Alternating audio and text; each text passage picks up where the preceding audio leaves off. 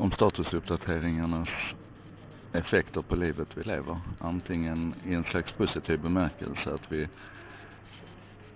kanske anstränger oss hårdare för att göra saker så att vi har någonting rejält att berätta eller åtminstone anstränger oss att tänka saker så att vi har någonting att reflektera över. Eller som Katja så klokt sa precis att det faktiskt kan, kan bli en defekt istället för en effekt. Att det kan ställa till ett, ett bekymmer där du, där du börjar jaga någonting som du inte kan nå. Eller vad var det du sa? Det var två saker. Jaga någonting som du inte kan nå eller